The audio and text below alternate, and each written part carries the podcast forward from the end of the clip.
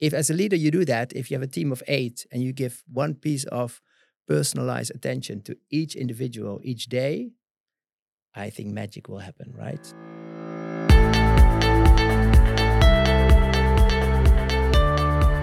Welcome in today's episode of Fit for the Future podcast. Today we will talk about from influence to impact, the journey of personal leadership.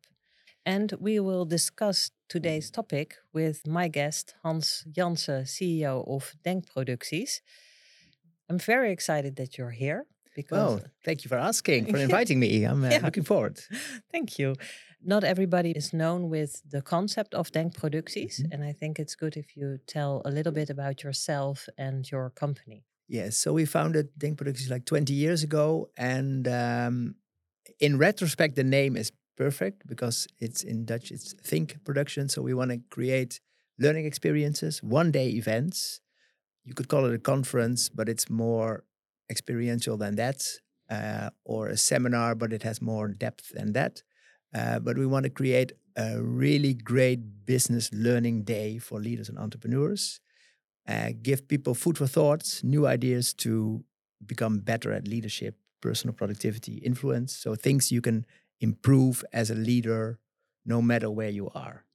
And we really want to make this day so we're not uh, like in, um, in, in universities or in boring lecture halls. We are in AFAS Live or big theaters. We want to really make it into a happening because I believe that uh, learning sometimes is a bit too boring. Mm, I totally agree. Yeah, yeah, yeah, and it's so uh, such a pity because um, we speak to a lot of people who are uh, involved in learning and development, mm-hmm.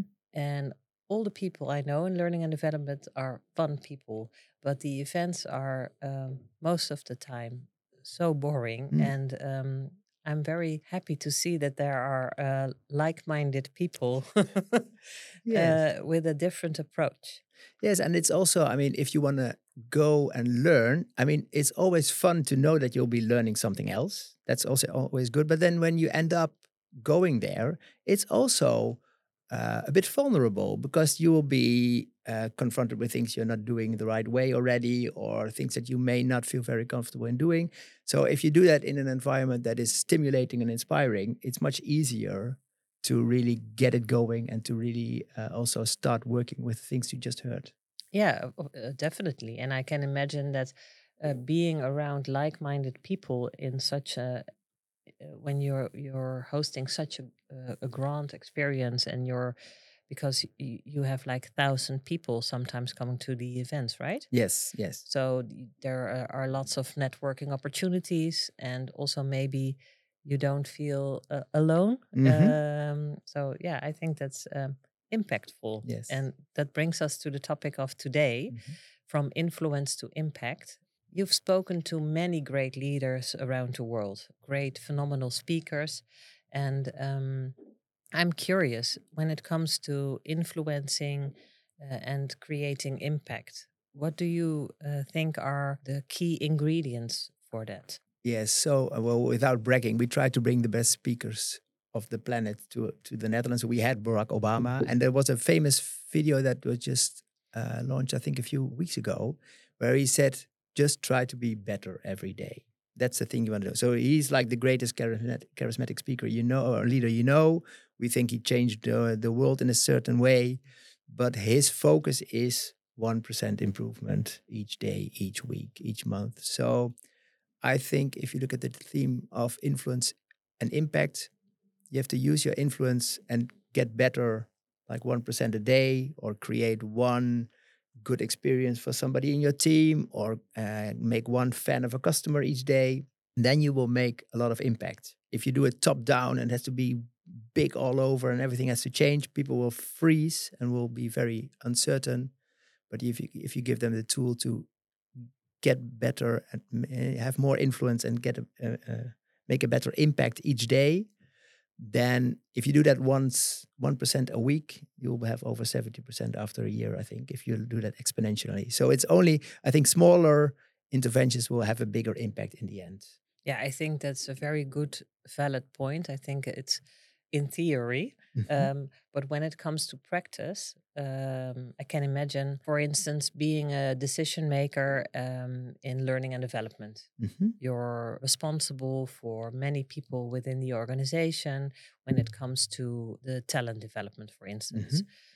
Um, what would be focus points when you when you say, okay, we want to improve one mm-hmm. when it comes to talent management, for mm-hmm. instance? How can you make these small steps and make an impact within the organization? Yes, that is a good point. I think there is one there's one key um, bridge that has to be built between the ambition and the the concrete things you do every day. And if you only keep thinking about big ambitions and uh, you know wanting to change things, you may become not too much focused on smaller things you can improve every day. But all these ambitions can be brought down to okay, so what will we will we do different in the next meeting? I mean, we had an event with uh, Amy Edmondson on psychological safety. Everyone, everybody wants psych- psychological safety, but that's a super broad and very general uh, concept.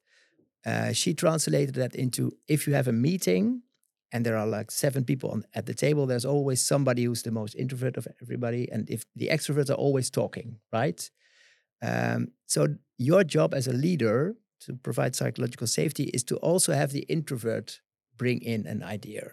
And he or she may not do that, you know, trying to chop into the meeting, but invite them to speak. So um, I think most uh, strategic goals, I think, no, every strategic goal will need to be able to be translated into something you can do in a meeting, in a one on one conversation, in the way you organize your day, in the way you engage with your employees. If you cannot translate it into some, something super practical, then you're like talking into the void, right?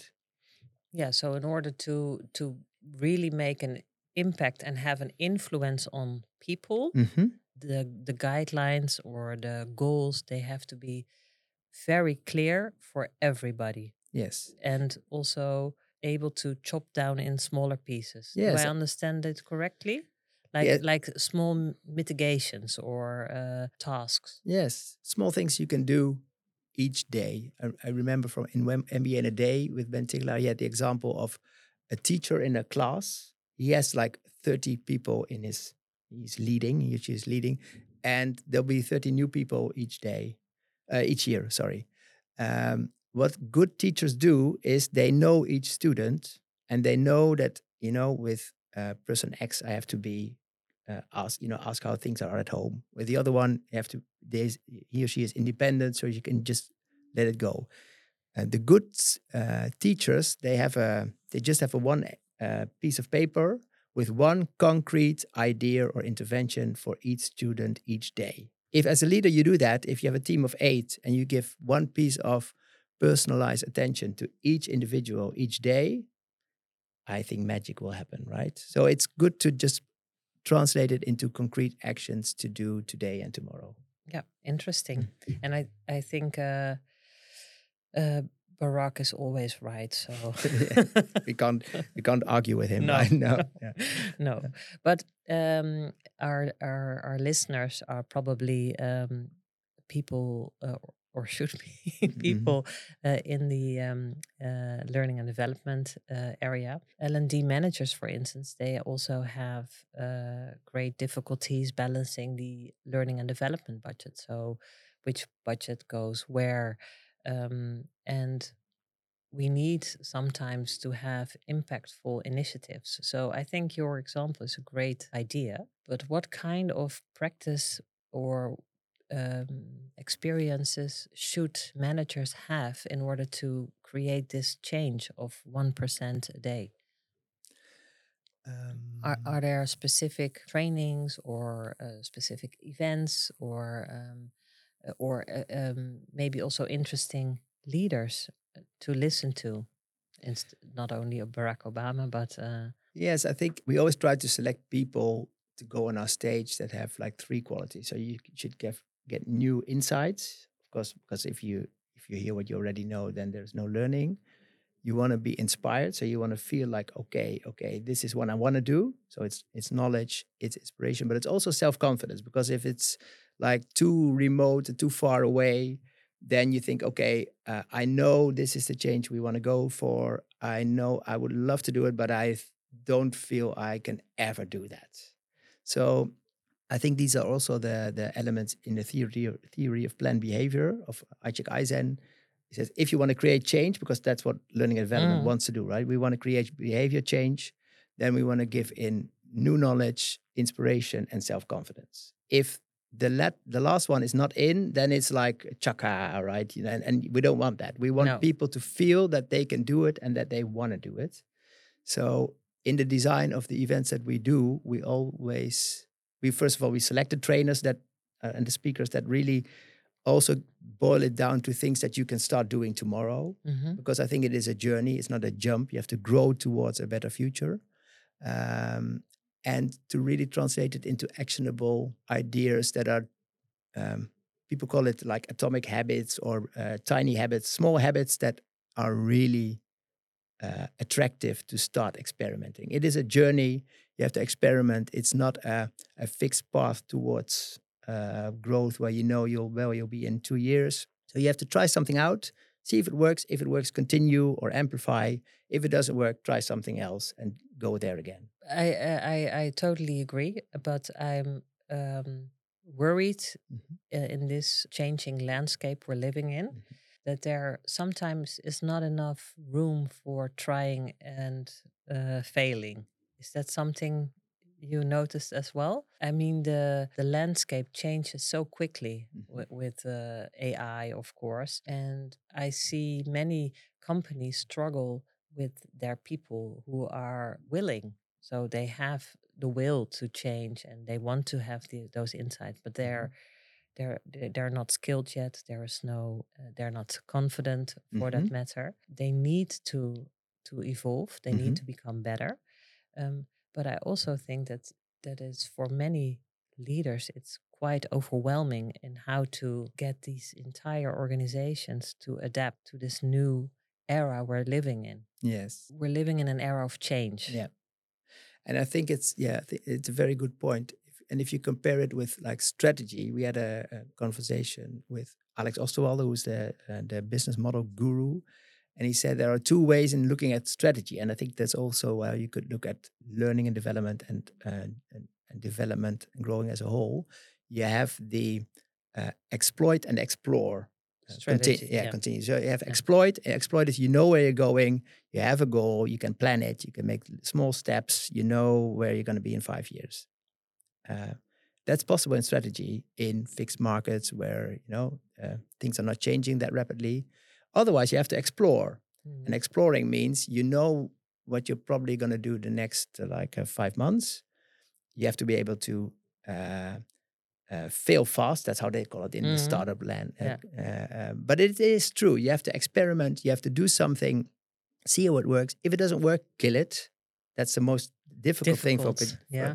because then you try something out and it's it's the intellectual baby of somebody, and you still have to stop it. Yeah, or you or you feel like you're wasting resources. Yes, or you've already put in so much effort, and now you're finding out that it doesn't work uh, but you still have to do it. Mm. Alex also also says it's the most most difficult thing. You know, kill a project, but you have to do it because if you don't spend time on that, you know, if you spend your budget on the project that is not doing well, you're not spending it on another project that probably could do better.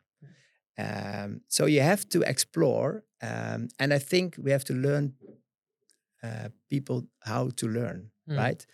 Um, because we don't know how things are going to change. So the only thing if I look at my children, they they get class they take classes from from the internet. They mm. just try to figure out, you know, if the teacher is not right, I'll try and find another teacher on the internet. But you have to know what you want want to achieve and how quality is defined. You know, who is good and who is not. But you have to be able. They have a different mindset. They have a different mindset. yes, mindset of everything is very routable. Uh, everybody, uh, yeah, they they they adapt and learn. Yes. But I think it's not for everybody yet. So that's that's. But I I think yeah. when we round it up mm-hmm. uh, and and come to a small conclusion for this session, can I state it that uh, going from influence and creating real impact mm-hmm. uh, as as a leader or as a, a, person on your own or yeah uh, self-employed people. Yeah, yeah, so, yeah, yeah, yeah. yeah. Um, you should focus on the one percent. Yeah. So try to make uh, a change every week, month, or it's up to you. Mm-hmm. But try to improve what you are doing by one mm-hmm. um, figure out what is the strategy you're following. Are we going to exploit or are we going to explore? Mm-hmm. What do we need to get at the point where we want to? And, and also have room to fail. And yeah, yes. and room for failure. And uh, I know, uh, perhaps to some to, to round that up, uh, for instance, in construction, they they always you know sometimes people say you know it's oh we have to have the room to fail, but then you also should have a budget to fail. Yeah. Because if you if you, if we say we have a room to fail, but uh, nothing is allowed to fail because then we won't meet the deadlines and the targets and the budgets. Then it's like a fake promise. That's a very valid point. Yes, and that's very. And I realize it's super difficult, but I know in in construction yeah. that uh, they have a buffer for yeah. things that are not going well in construction yeah. because then something is not arriving in time, so they have to change it around.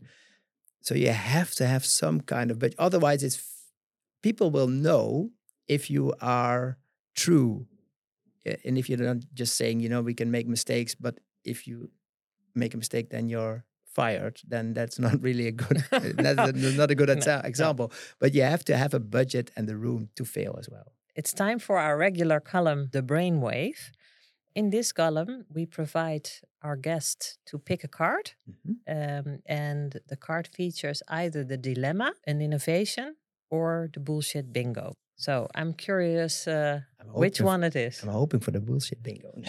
oh, you can. Oh, you can. We can also. I'm. I'm totally fine if no, that's the word. No, let's. Let's. Uh, I'm now shuffling the cards. So uh, and I'll take the, the the top one right now, and I'll show it to the camera to say it is the bullshit bingo. Yeah. Oh, all right. Okay. Great. All right. So name yes. a word, theme, or topic that is much talked about, but which is overrated or even downright nonsense.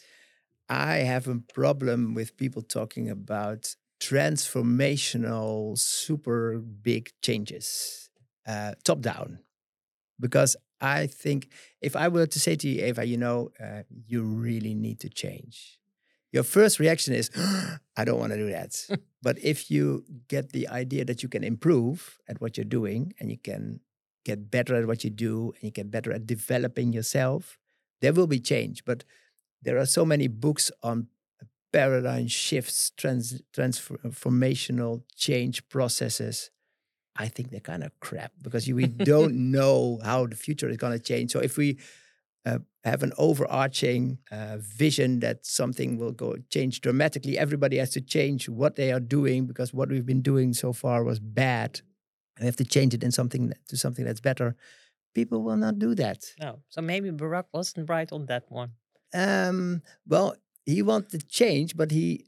Uh, you know, final thing, one thing he did, and I really like that anecdote, and it's true. He read uh, letters from U.S. citizens, ten letters each yeah. day, and he answered them personally. Oh, he that's said, said after dinner, before uh, you know, before Iraq and after Russia, after dinner, I got ten letters. There were fifteen thousand emails and, and, letters sent to the uh, to the president each day and his team chooses 10 and he decided to uh, to answer them personally in handwriting wow it's the only way to get connected to the people that you're serving in the end hmm. so yes i think he wanted to have uh, change but change only from the inside and yeah incremental no it was a joke of course he it was uh, uh, all about uh, improving. Uh, yes. but I think it's a good mindset yes. because uh, I'm a marketeer, and the hardest thing to do is also get people to change. Mm. Yeah, that's, we have to seduce them. We have to seduce them in improving themselves. Yes. I'll keep that in mind. Thank okay. you so much for coming. Thank you for having me. Would you like to stay informed about the latest HR and L&D topics? listen to our other episodes of Fit for the Future podcast. I see you later.